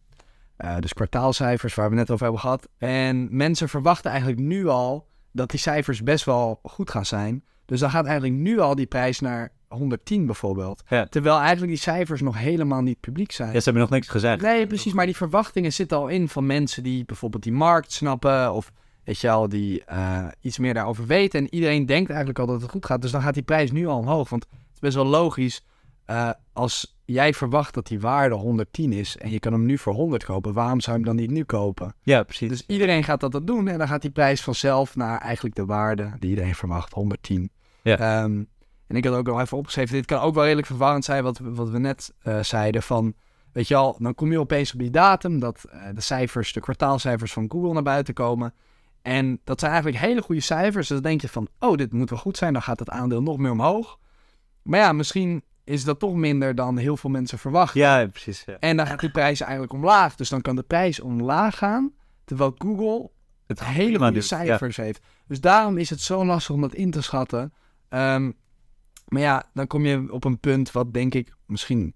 Ja, het maakt het ook wel lastig, want het, het, het maakt ook wel lastig waar we het over hebben. Misschien dat het dus van alles neerhaalt waar we het over hebben. Maar je bent nooit slimmer dan de markt. Ja. Dat, is, dat is het concept. En het leuke is ook heel veel mensen inderdaad die in hedge funds werken... en die een hele leven hier aan geven. Zijn Ja, eigenlijk heel Wall niet- Street. zijn eigenlijk ook niet slimmer dan de markt. Niemand heeft een soort van magisch visioen of zo waar ze naar kunnen kijken. En eh, ja, je kan dus nooit eigenlijk de markt consequent verslaan. Is het concept over, eh, zeg maar, de hele markt bijvoorbeeld, weet je al. eh, want anders zou iedereen dat doen. En eh, ik wil niet te veel hierover praten, maar het is ook een beetje een voorbeeld van, weet je, als je wel naar investment banks kijkt of hedge funds, Ja. dat- dat er toch een paar tussen zitten die het dan heel goed doen. Maar ja, als je natuurlijk logisch over nadenkt, ehm, van er zijn bijvoorbeeld acht hedge funds en ja, procentueel is het natuurlijk logisch dat eh, in de hele markt er zo'n 50% per jaar wel winst maakt en de andere 50% niet. Ja, Dat is ja. gewoon, weet je al. De odds bijvoorbeeld. En dan heb je acht verschillende hedge funds en 50% maakt wel winst en de 50% niet. En dan elke keer valt de helft daarvan af. Dus bijvoorbeeld vier jaar lang. Dus de eerste helft vallen er vier af. Die maken dan geen winst. Hm. En eh dan zijn er nog maar vier over. En die hadden wel winst gemaakt. En daarvan maken er natuurlijk dan maar weer 50% winst. Ja. Dan gaat het steeds Dat is een door. afvalrace. Ja, afvalrace. En dan in jaar vier is er toch één hedge fund die dan vier jaar op rij winst heeft gemaakt. En dan denkt iedereen van, holy fuck, Ja. hoe kan dat? Weet je, dit moet dus van magisch hedge fund zijn. Dus ze, ze snappen het dus daadwerkelijk wel. Maar ja, dat is eigenlijk gewoon eh, de odds. Weet je wel, dat is Ja, 50-50. gewoon geluk Gewoon eigenlijk. geluk. Ja, het is allemaal gebaseerd op geluk. Nee, exact. Ja, je moet inderdaad... Dat is belang, ik denk de belangrijkste takeaway van de hele podcast bijna is... ehm, je de, heel veel mensen die denken vaak van... Oh, ik snap de markt. Of ik, Ja. ik heb het door, ik snap het. Ik heb een paar eh, maanden achter elkaar winst gemaakt. Dus inderdaad, ik ben eh, God mode. Ja. Ik snap alles. Ja, als jij ook een, ehm, ik denk als voorbeeld een soort van een interview doet met heel veel, eh, weet je wel, mensen die auto rijden, dan zegt 70% van de mensen dat ze beter rijden dan de gemiddelde persoon. Ja, exact. En dat maar kan dat is, natuurlijk dat is helemaal niet. natuurlijk helemaal niet. Dus dat is een beetje nu dat, dat idee dat je te, weet je, overconfidence, dat je iets Ja. te veel eh, weet over de markt, terwijl dat niet zo is. Ja, precies. Kunnen we dat een aflevering een keer over doen. Maar dat, dat is heel grappig eigenlijk. Ja. Ook met statistieken, dat mensen er eigenlijk helemaal niks van snappen. Nee, precies. En dan kun je natuurlijk ook nadenken van, is het dan allemaal waard? Ehm, maar ik denk dat het ook wel belangrijk is om te zeggen dat de markt... Weet je wel, wij zeggen wel van eh, de markt is perfect geprijsd. Maar ja, dat is natuurlijk wel een ideale wereld. De markt is niet 100% perfect. Nee, nee. Want anders zou je niet winst kunnen maken. Dus eh, wat we zeiden, er zijn natuurlijk best wel veel... Weet wel, maloten die ook investeren. Ja. Ja, heel veel geld in Tesla pompen, dat soort dingen. Eh, dus er zijn ook wel nog steeds mogelijkheden om winst te maken. Want Ja. anders weet je, wel, zouden natuurlijk die investment banks ook niet bestaan. Ja, exact. Ja, het is een beetje ook het idee van... ehm, de- denk ook goed na over wat de markt iets waard vindt, bijvoorbeeld. Dus niet, niet alleen wat de fair value is van een bedrijf intrinsiek, maar ook wat vindt de wereld eigenlijk van Tesla? Of wat, Ja. weet je wel? Dus, Of ook naar de Ja. toekomst kijken met je de hype van wat jij net zegt. Een bepaald aandeel in de AI. en, jij, en weet je al, die hype komt nu helemaal. Je denkt van, oh ja, AI wordt zo'n groot deel van de, van de wereld. En bijvoorbeeld de mensen die die chips maken, waarop dat allemaal runt. Ja, dan moet dat ook wel waardevol zijn. Dus zo kan je een beetje doordenken. En, en ja, kan het alsnog gewoon proberen. Van de kans is waarschijnlijk wel groot dat dat alsnog doorzet. Maar ja, er is natuurlijk ook de kans dat AI eigenlijk misschien helemaal een hype is. En dat over vijf jaar ook weer wegvalt. ja, precies, dat Dus- niemand er meer van hoort. En dan, want als, ah, het ding is, als iemand zou weten eh, hoe ze altijd winst zouden maken, dan zouden ze dat gewoon doen. ja, En een soort van ongelimiteerd door zouden doen totdat ja, die marktprijs dat weer reflecteert. ja, precies, ja. Nee, en ehm, ja, er zijn ook onderzoeken die inderdaad zeggen... de markt loopt standaard één of twee jaar voor op wat er gebeurt. Wat, ja, dan wordt het ook weer rommelig, maar... eh, nee, Ja. vandaar is dat dus eh, belangrijk. Ik denk dat dat inderdaad uite- uiteindelijk ook wel neerkomt op een beetje, weet je wel, die, die index en die ETF's. Van dat is wel dan iets wat, weet je al, makkelijk is te voorspellen. Iedereen weet eigenlijk wel dat het uiteindelijk omhoog gaat. Ja, Dus exact. dat is dan wel veel safer om op in te zetten. Ja, precies. Goed, dan hebben we nu ehm, nee, een beetje richting het einde gaan we met ehm, hoe kan jij nou beleggen? Want we hebben het heel veel gehad over de inhoud, dus wat beleggen is, wat pricing is. ehm, De theorie inderdaad een beetje. Ja, dus nu even het praktische einde met hoe, kunnen wij, hoe kan jij over 10 minuten beginnen met beleggen?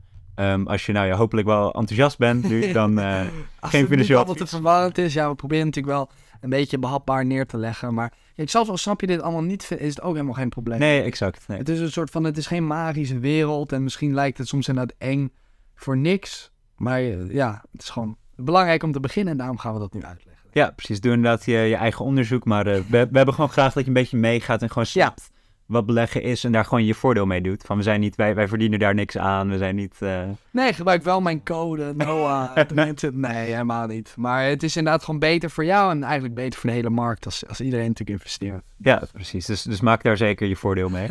Ehm, goed, dus het laatste stukje is hoe kan jij beleggen? Ja. Ehm, nou ja, natuurlijk, we zijn individuen. We kunnen niet bij een, een aandeel zelf kopen. Want dan zou je in principe langs de deuren moeten gaan en vragen of iemand nog een aandeel voor je heeft. Dat niet heel reëel. Dat papiertje oprecht even Je waardepapier, ja.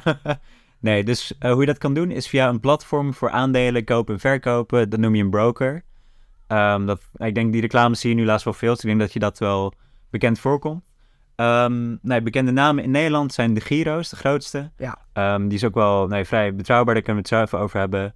Eh, verder heb je nog Bucks, Trading 212, dat zijn een beetje in Nederland de grote namen. Ik zal eerst kort uitleggen. Nou, je kan natuurlijk een account nemen, maar je vraagt natuurlijk af of dat geld kost. Dus we gaan het eerst even hebben over hoe je voor zo'n broker moet betalen eigenlijk. En dan eh zal ik wat voorbeelden doornemen. Ehm, onthoud altijd dat een voor niks komt de zon op. Een broker die hoeft niet, zeg maar, die, die gaat niet gratis dingen aanbieden. En het kan dat ze dat wel doen, maar dan is er natuurlijk aan de achterkant eh, wat Ja. achter waarop zij een Zij moeten ook geld verdienen, anders doen ze natuurlijk niet. Ja, precies. Net zoals met Facebook, dat zie je data doorverkopen van... er, zit, er zit altijd een achterkant aan. Ni- niks, is beet, niks is te goed om waar te zijn. Ehm, bij brokers geldt hetzelfde. Dus je hebt een paar manieren waarop je daarvoor moet betalen. Ehm, je kan een vast abonnement nemen. Dus dat is bijvoorbeeld bij de Giro. Volgens mij kost dat 3 euro per maand. Oké. Ehm, nou ja, wel fijn, want dan weet je in ieder geval hoeveel dat vast kost. En dan eh, betaal je dat per maand los van hoeveel je investeert of niet. Dus dan heb je gewoon een abonnement. Ehm, de tweede manier is variabel. Eh, dat is bijvoorbeeld Trading 212. Die doen ehm, dat je per storting, dus per keer dat jij geld van jouw bankrekening op jouw broker-account zet, eh, betaal je een bepaald percentage transactiekosten.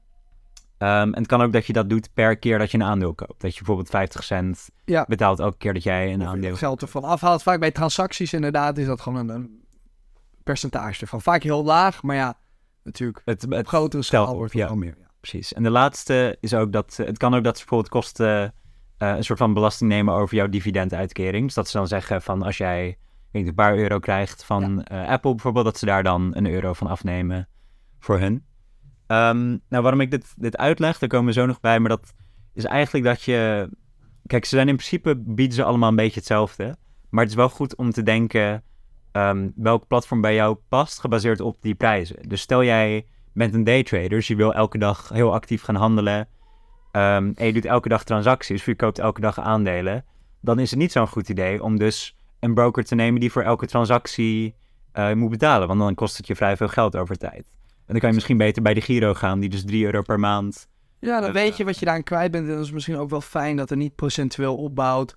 Als jij uiteindelijk steeds meer geld daarin zet, eh, blijf je die 3 euro betalen. Dat is misschien wel heel fijn. Want Ja. zoals we net zeiden, als je dan over 40 jaar iets eh, miljoenen waard is, dan kan dat natuurlijk wel veel geld schelen. Ja, precies. En dan stel je doet ehm, heel passieve investeerders. Je doet echt maar, nou ja, eens per half jaar misschien grote investeringen. Dan is het misschien wel beter om een eh, variabele te nemen. Dus dat je per transactie betaalt. Omdat je dan heel weinig transacties doet. Ehm, nou ja, goed om over na te denken. Doe ook gewoon je onderzoek wanneer je brokers checkt. Ik heb hier een paar voorbeelden. Eh, we worden niet gesponsord, helaas. Eh, anders dan had ik wel gezegd dat ik mijn voorkeur had. Maar eh, ja. nou, ik heb even voor Nederland een paar voorbeelden. De eerste wat ik zei is de Giro. Heel veel, ik ken je wel van de reclames. Die zijn heel betrouwbaar. Ehm, die, die- nou, die worden gebackt door de, de Nederlandse bank ook. Dus dat, dat ook bijvoorbeeld over met FTX. Maar je wil een beetje in de gaten houden met... is deze broker wel veilig en legit? Ehm, bij de Giro zit je vrij veilig. Dat is een goed, goed om te weten dat je ook daar... Dus je raadt het wel aan. Nee, nee, nee. Als, nou, als de Giro eh, een deal wil maken met ons, dan kan ik het aanraden. 100%. Nee, ehm, nee, de grootste van Nederland staat heel veilig. Ehm, l- last time I checked was dat wel alleen hele aandelen. Eh, Ja, dat is wel lastig inderdaad. Dat is, dat is wel ook een beetje een, een hype die dan nu is gekomen met veel van die online brokers waar we het nu over hebben. Is dat je inderdaad eh fractionele aandelen kan kopen. Dus een Ja. deel van een aandeel. Want ehm, weet je wel, sommige aandelen kunnen echt duizenden euro's waard zijn. Ja, bijvoorbeeld Amazon volgens mij zegt 1000 euro per aandeel. Dat is natuurlijk heel veel om neer te leggen. En dan koop je liever nou ja, een 20% van zo'n aandeel. Eh, maar ja, dan moet je even goed kijken. Ehm, dus dat, dat is een beetje het nadeel, is dat je dus wel alleen hele aandelen kan kopen. Maar het kan ook dat tegen deze tijd ze wel fractionele aandelen doen. Dat weet ik niet zeker, maar dan moet je even, even goed checken. Ehm, en dat is dus een abonnement wat je dan hebt op Oké, handig. Ehm, de tweede is eToro. Dat zijn hele kutreclames, maar eh, het is een prima platform, denk ik. Eh, dat is zero commissions. Dat betekent dat jij geen commissie betaalt op je aandelen transacties.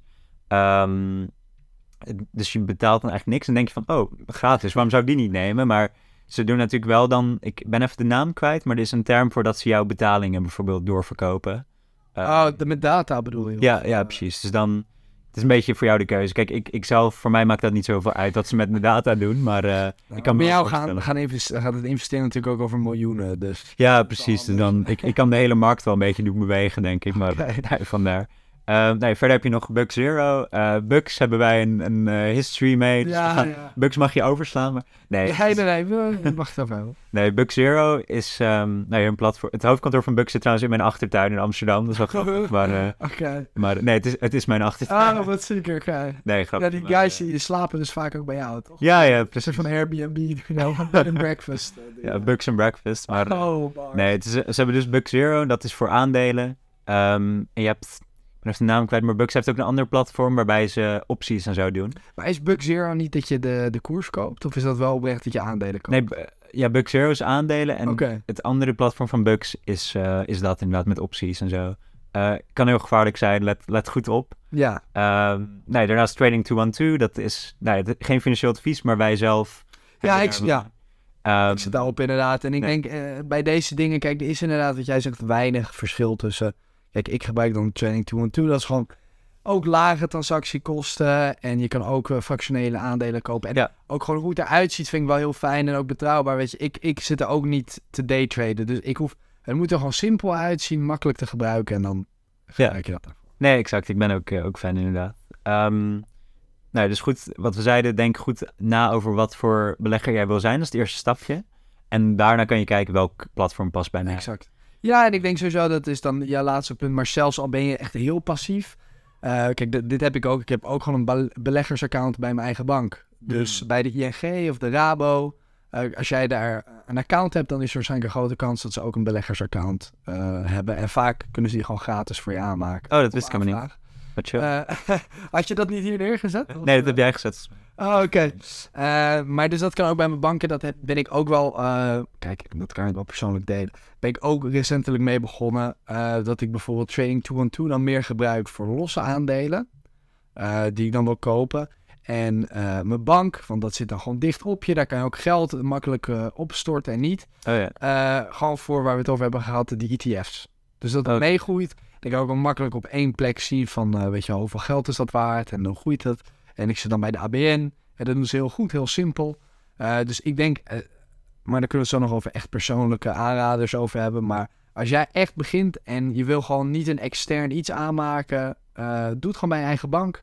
En vooral als je alleen indexen gaat doen of ETF's, is dat denk ik wel echt een goede stap, omdat het gewoon heel makkelijk is. Ja. Vaak heel simpel en er is ook heel veel begeleiding. En het is natuurlijk mega betrouwbaar, want het is Ja, precies. eigen bank. Ja, ik zou het is heel veilig ook. Dus dan hoef je ook, kijk, bij dingen als FTX, nu- je hoeft niet na te denken of je broker morgen failliet is of zo. Nee, precies. Dus, En, ABN, ABN eh, overheidsinstantie. dus- ja, ja, die redden het wel.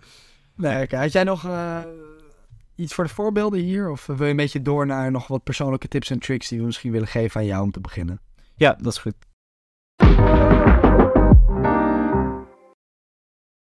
Als laatste willen we het even hebben over wat tips en tricks die wij zelf je mee zouden geven. Want wat ik zei, we hebben zelf uh, nou ja, een tijdje verschillende platforms eigenlijk gebruikt. Um, dus het is geen financieel advies, maar we willen wel graag onze ervaring delen om jou zo goed mogelijk op weg te helpen met het beginnen met uh, beleggen. Ja, exact. En ik denk dat het, wat we net zeiden, veel van deze uh, platforms bieden ook een soort van oefenruimte aan. Dus gewoon een oefenaccount eigenlijk.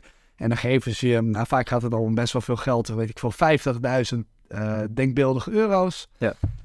en dan kan je daar gewoon mee investeren. Dus dat is wel iets moois. Weet je al, kijk, uiteindelijk willen we natuurlijk dat je vroeg begint. Maar misschien is het slimmer om eerst een paar maanden gewoon dat te doen. En dan kijken van, oh, wat werkt? En ik zet een, op dit aandeel in en uh, het gaat omhoog of omlaag. Wat voor effect heeft dat op mij? Ja. En dan wat portfolio. Of ik doe even een groot deel in die index en dan kijk ik hoe dat gaat qua winst. Ja, precies. En dan kan je het gewoon even uittesten. Ik bedoel, wij deden dat toen we jong waren met bugs. Ja, ja precies. Ik zou dat ook echt wel aanraden, want je, je leert dan heel goed inderdaad, ook met compounding interest bijvoorbeeld. Hoe dat um, Stel je weet niet zeker, prima om zo'n demo-account te nemen en gewoon een jaar te wachten bijvoorbeeld. En dan zie je dat zeker bij opties Tenminste, dat raad ik ja. minder aan, maar bij opties begin daar wel echt met een demo. 100%. Met dingen dat om meer geld gaat. En dat ik denk dat je ook wel soms denkt van, oh, ik wil beleggen of ik wil opties doen, ik wil het nu doen. Uh, maar ja, het is gewoon te risicovol. En uh, probeer het inderdaad gewoon met van die, dat kan je overal vinden. Ik denk als je het gewoon intikt, inderdaad ook bugs of uh, oefenaccount of zoiets. Ja. Dat echt wel naar boven komt, 100% belangrijk. Ja, precies. Ja, ik wil nog één ding wat je zei, trouwens wil ik even benadrukken, maar... Um, ja, het beleggen moet geen haast hebben voor je, denk ik. Dat is ook belangrijk. Want wat we zeiden, de markt, je kan het niet timen. En er is ook onderzoek gedaan dat in de markt zitten levert altijd meer geld op over tijd dan wachten voor het perfecte moment. Want het perfecte moment bestaat helemaal niet. Nee, 100%. Je weet ook natuurlijk wat we zeggen, niet wat er morgen gaat gebeuren. Dus weet je al, bouw gewoon eens erop. En of jij nu instapt of over een jaar. Kijk, het verschil zou niet gigantisch zijn. We zijn natuurlijk van begin af vroeg. Maar ja, als jij nog jong bent, ja. dat jaar niet mee je hebt, verschil Precies, je hebt zo lang de tijd. Kijk, ook voor duidelijkheid van als er mensen zijn die, die uh, wat ouder zijn die luisteren, moet je wel goed in de gaten houden hoeveel jaar uh, je, je window eigenlijk is. Ja. Maar voor de mensen van onze leeftijd, nou je begint 20, dan uh, onthoud dat je echt decennia de tijd hebt. Dus niks heeft haast. En als je oud bent, je bent helemaal niet oud. Je hebt ook nog decennia. Echt geen zorgen. Ja, precies, ga vooral opties. Nee, nee. Nee, exact. Dus uh, nou, de tweede tips, tip is um, check goed je bescherming. Dat is wat we al noemden. Maar kijk, een geval als FTX. Dus die, nou ja, luister even die aflevering terug. Maar um, daar dachten mensen ook, ik ben veilig mijn, mijn, uh, mijn spaarrekening aan het beleggen. en toen was het weg, een dag later. Dus check, het is toch belangrijk om even goed van tevoren te kijken. Kijk, aandelen zijn veiliger dan crypto. Maar toch moet je even goed kijken, is je broker geregistreerd bij de Nederlandse bank? Um, zoals bijvoorbeeld de Giro. Doe dat wel goed, want je wil, je wil hier echt niet voor verrassingen komen te staan. Ik weet dat het een beetje saai is, maar ja. check het toch van tevoren. En of zoals Noah zei, begin gewoon bij je bank, want dan is het sowieso fijn. Ja, precies. En dat is wel gewoon een goede stap. Ik denk, weet je al, ik wil niet zo'n heel stappenplan ook uitmaken, maar weet je wel, je kan het ook gewoon beginnen met zo'n account bij je bank. En dan doe je zo'n ETF en dan snap je hoe dat werkt, zo'n index. En dan zet je de volgende stap. Dan ga je misschien een account maken bij Trading 212 of ja. Toro. En dan doe je een paar losse aandelen en zo bouw je het langzaam op. Ja, precies. Spreid het ook een beetje ja. uit. En, dat, en ook zeker hoe meer geld het is, hoe meer je die spreiding wel wil, denk ja. ik. Um... Oh ja, en dan um, waar we het ook gewoon al over hebben gehad, weet je wel, denk aan wat je doelen zijn. Denk aan wat voor persoon jij bent, wat voor belegger. Ja, hoeveel risico je durft. Wil je een risico lopen of niet? Um, weet je al, wil je voor transacties betalen? Doe je maar één tra transactie in de zoveel tijd. Uh, en zoek het daarop een beetje uit. En misschien weet je al dat document van de ABN waar ik het net over had, weet je, daar kun je ook even naar kijken.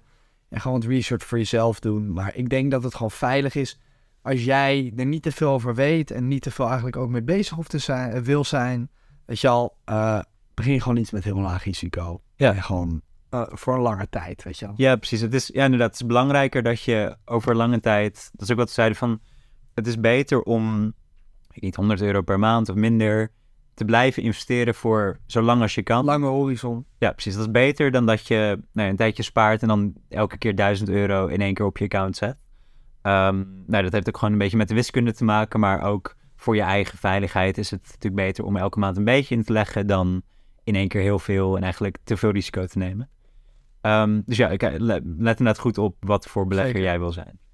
Um, even kijken, de vierde Ehm, deze, ik wil hem niet te ingewikkeld maken, maar ik, ik heb even een metafoor hoe ik het uit wil leggen. Ehm, dat is namelijk cut your losses. Ja. Moet je even opzoeken, maar wat dat ehm, grofweg betekent is... Als jij nou ziet, kijk, een aandeel wordt meer waard, dat is natuurlijk fijn, maar een aandeel kan ook langzaam doodbloeden en minder waard worden. En wat je daarbij wil doen, is je wil dat niet te laag laten dalen. Om even een voorbeeld te gebruiken. als jouw aandeel 50% daalt, dus je koopt een aandeel van 10 euro en over een paar maanden zakt hij naar 5 euro, dan moet dat aandeel, om terug te komen bij de 10 euro in het begin, moet hij verdubbelen. En dat is heel veel. Het is heel veel, nou ja, het, het is een hele grote verandering Ja. voor een aandeel te verdubbelen. Ehm, dus, dus eigenlijk is verlies draaien is zwaarder op een aandeel dan winst draaien. Want als jouw aandeel naar 150% gaat, dan is die 50% winst is maar een derde van de waarde van het aandeel. Maar als Ja, het aandeel dus- halveert in waarde, dan moet hij dus verdubbelen om weer bij het oude punt terug te komen. Dus ik, ik wil niet te rommelig maken, maar wat ik bedoel is, een verlies weegt heel zwaar op een aandeel, omdat verlies heel moeilijk terug goed te maken is. Zeker. Ehm, dus daarom, kijk, je hebt op een, op een account heb je iets dat heet een stop loss. Dat is ook een goede tip. Ehm, een stop loss is eigenlijk dat je zegt, als dit aandeel ehm, tot die prijs zakt, wil ik hem vanzelf verkopen. Dan wil ik er nu vanaf, voordat hij nog lager zakt. ja. Dat is heel belangrijk. Dus je moet ook goed een beetje... nee, het is denk ik ook wel meer eh, hoe risicovoller iets wordt, hoe belangrijker die stoploss denk ik is. Want weet je, als een index, een ETF, is het denk ik niet heel slim voor als je over een hele lange horizon doet om die stoploss gelijk op een, procent lager te doen. Ja, precies. Want dan, wil je, dan maakt die schok een soort van niet uit. Over tien jaar lang maakt de schok nu van 7 of 10 procent omlaag maakt helemaal niks uit. Nee, precies. Zeker met corona van, ik kan ook 30% Ja. zakken en nu is hij weer hoger dan dat hij daar... Exact. Maar ja, als jij inderdaad met die opties bent of individuele aandelen of je weet het is heel risicovol, dan kan je inderdaad beter gewoon zeggen van oké, nou ik, eh, hij is 10% omlaag. Ja, ik mm, eh, neem de 10% verlies maar. Maar ja, dan had het ook 50% kunnen zijn. Dus weet je al, Ja. dat is een goede keuze geweest uiteindelijk. Ja, exact. Ja, ik denk als een eh, korte metafoor over verlies nog is zeg maar, als je je voorstelt, je hebt een, een muurtje van 1 meter hoog, waar je van afspringt.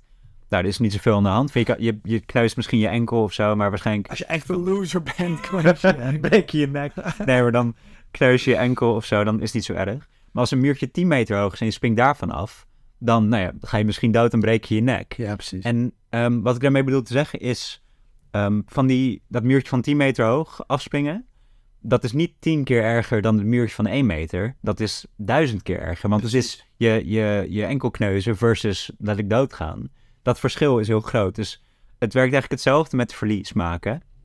Ehm, dat met in percentages, het, het loopt soort van bijna exponentieel met hoe erg verlies maken is. Dus hou goed in de gaten ehm, nee, wat, wat jouw tolerantie is, maar weet dus ook dat 50% eh, verlies is niet, 10, is niet vijf keer erger dan 10% verlies. Het is, ik weet niet, 200%. Ja, erger. precies. Nee, Dus, dat is wel een eh, goede manier om het te visualiseren inderdaad. En weet je al, dat eh, is niet van, doe het niet, maar denk er wel goed over na.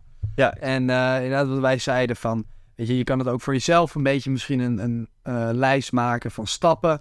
Maar een beetje het ons perspectief is inderdaad, begin gewoon rustig. Begin met een ETF, begin met een index. Ja, en ook bij, je- bij je bank misschien is een goede. Precies, bij je bank is heel simpel. De, de lat ligt heel laag, vaak kan je dat gewoon direct aanmaken. Eh, en daarna kan je een beetje kijken van... oké, ik snap misschien hoe dit werkt, een beetje hoe de markt werkt. Eh, ik ga naar aandelen, slash obligaties misschien. Is al iets, is al een stap verder. Nou, ik denk dat de meeste mensen ze daar eigenlijk zelfs kunnen stoppen. Ja. Maar als je dan echt de smaak te pakken hebt en je denkt, weet je, het gaat goed. Ehm, weet je, ik wil doorzetten. Is het alsnog belangrijk dat je op elk punt de research doet Ja, ja ook Eh, heel grondig inderdaad. heel grondig. En daarna kan je misschien kijken naar inderdaad eh, derivaten zoals opties of futures of eh, wat je ook maar kan verzinnen. Ja. En dan nog verder inderdaad shorten. Maar ja, dat is eigenlijk iets ja, wat je waarschijnlijk niet gaat doen. En ook, Ja, zelfs de experts durven dat eigenlijk. nee, het is heel eng. En dat, daar hebben we het over eh, gehad in aflevering 4. Van eh, je kan veel meer verliezen bij shorten dan dat je kan winnen vaak. Ja, exact. Dus kijk uit. Maar Maar het is wel een stappenplan om te nemen. Maar ja, voor jou begin nu dus eerst met misschien die bankrekening en met die index. Ja. S&P eh, 500 is wel een goede om naar te kijken. ja, Dus dat is letter S, P en dan 500. Ja. En dat is gewoon die 500 meest waardevolle bedrijven. Dat kan je vaak wel vinden Of gewoon zo'n vergelijkbaar index. Ja, er zijn ook een paar van, je hebt ook eentje van Nederlandse beurs of van Ja, Europa van de wereld. Ja, je hebt ook inderdaad van kleinere bedrijven of van eh, meer richting sectoren of dat soort dingen. Ja, precies. Ja. China 500 of zo. ja, dat gaat ook. Ja. Ehm, nee, exact. Nee, nog ehm, wat een paar mensen ook doen, daar ga ik niet lang op in, maar je hebt ook mensen die beleggen met duo geld.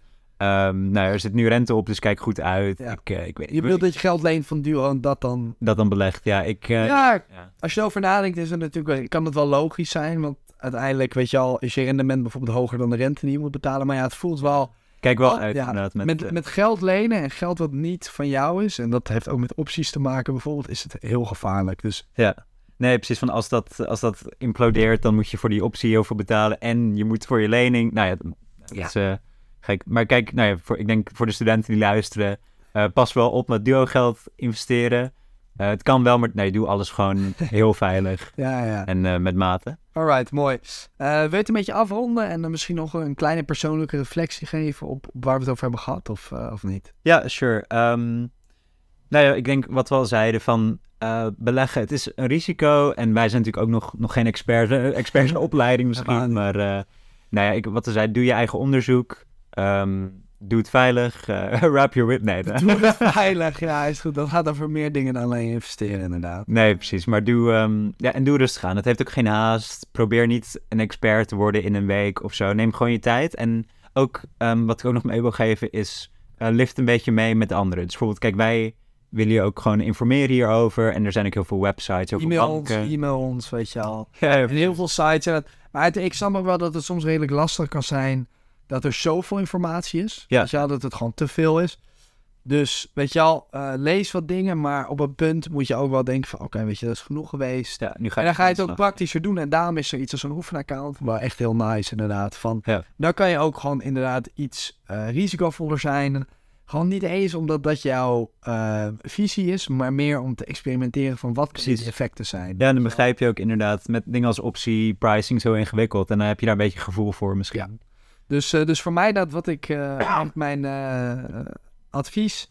Kijk bij je bank of je daar een beleggersaccount aan kan maken. Doe dat. Zet er wat geld op. eh, weet je al, Kan, kan letterlijk 100 euro 100 zijn. euro. En investeer dat gewoon in zo'n index. Koop daar wat van. En dan kan je gewoon even een maand wachten. Kijk, je hoeft het echt niet dagelijks te checken. Zoveel gaat ook niet eh, schommelen. Doe dat ook zeker niet. Nee, daar, daar lig je ook van wakker dan daarna. En dan kijken over maand, kijken hoe het is gegaan. En dan kan je een beetje kijken van, oké, het is een paar procent omhoog gaan of omlaag. Ja. En misschien ook denken van, waarom? Ja, precies. Volg het nieuws een beetje. Dat is Ja. altijd... Ik denk zeker met S&P, die schommelingen zijn eigenlijk altijd wel nieuws gerelateerd. Ja. Dat en ik denk dat het uiteindelijk is, is, is een goede les ook. Het is veel meer waardevol om elke maand 50 eh, euro bij te leggen dan één keer per jaar eh 500. Ja, of zo, weet je wel? Dus dat gewoon elke keer doen. En dat is ook heel mooi, want dan balanceert het een beetje die lage en hoge punten uit. Want dan koop je een keer als de prijs misschien heel hoog is. Maar ja, je koopt ook wel als de prijs heel laag is. Dus dan Ja, dollar cost. eh, Precies, dus dan wordt dat een beetje eh, even. En ik denk dat, weet je al, als je er niet te actief mee bezig wil zijn, één keer per maand echt wel goede. Ja, meer dan genoeg. Ja, precies. Ehm, nou, ik denk dat dat een beetje was voor nu. Ehm, we hopen dat jullie het, eh, het leuk vonden. Het is voor ons een beetje nou ja, uittesten wat dat een beetje een ander format eh, aflevering Ja, maar inderdaad, was nog wel denk ik een beetje drie segmenten. En ook iets wat, wat wel persoonlijk voor jou eh, fijn kan zijn. En eh, ik denk ook wel gewoon waardevol. Ja, precies. En ook we hopen ook dat we, weet ik, de meeste mensen die luisteren zijn student, maar ook als je niet student bent, hopen we dat we een beetje eh, hebben kunnen helpen. En je kan ons ook altijd mailen. Kijk, we zijn geen experts, maar wij helpen wel graag met hoe wij het een beetje geleerd hebben. Zeker. Ehm, ja, ik denk dat het een beetje was. Laat vooral alsjeblieft ook weten wat je van deze aflevering vond, want het is voor ons een beetje uittesten. En we hebben nu een hele aflevering, eh, we zijn ook wat langer bezig, maar ook gewoon over één onderwerp gedaan. Dus laat alsjeblieft weten wat je vond. Ook als je het, als je het leuk vond, of als je juist dingen hebt die je anders wil zien, laat alsjeblieft weten via de e-mail of eh, Instagram. Ja, of zeker. Gewoon feedback. En eh, kijk, we gaan gewoon waarschijnlijk weer terug naar een beetje dat nieuwssegment. of dat idee van nieuws elke week. Maar dit is ook wel fijn. En dit idee kwam ook van een luisteraar. Ja. Dus, weet je wel, wij luisteren daar heel graag naar. En kijken wat jullie willen. En zoiets is natuurlijk voor ons ook heel leuk. Maar eh, het kan ook heel praktisch zijn. Dus, eh, maar als het alsnog niet duidelijk genoeg was, kan je dat ook gewoon zeggen. Dat vinden wij helemaal prima. En Ja. E-mail ons van eh, het is niet duidelijk. En dan kunnen we je misschien op papier nog wat tips geven. Maar check ook de, de beschrijving van de podcast voor alles waar we het over hebben gehad. De show notes, ja. Nee, exact. Nou, uh, heel erg bedankt voor het luisteren. We hopen dat we jullie uh, nou, een beetje op weg hebben kunnen helpen in, in de wereld van beleggen. Het is, ja, is, het is eindeloos hoe ingewikkeld het is. eindeloos, maar je moet er niet bang voor zijn. Dat is denk ik het belangrijkste. Nee, exact. Doe je voordeel mee en uh, nee, geniet ervan. Ja, Veel zo, plezier. Zo, Enjoy the game. En zo worden we samen rijk, inderdaad. Dat is het belangrijkste. Ja, nou, nog een paar aandelen aan. Ja, als je nog... Ja, oké. Okay. Bedankt voor het luisteren. Yes, later.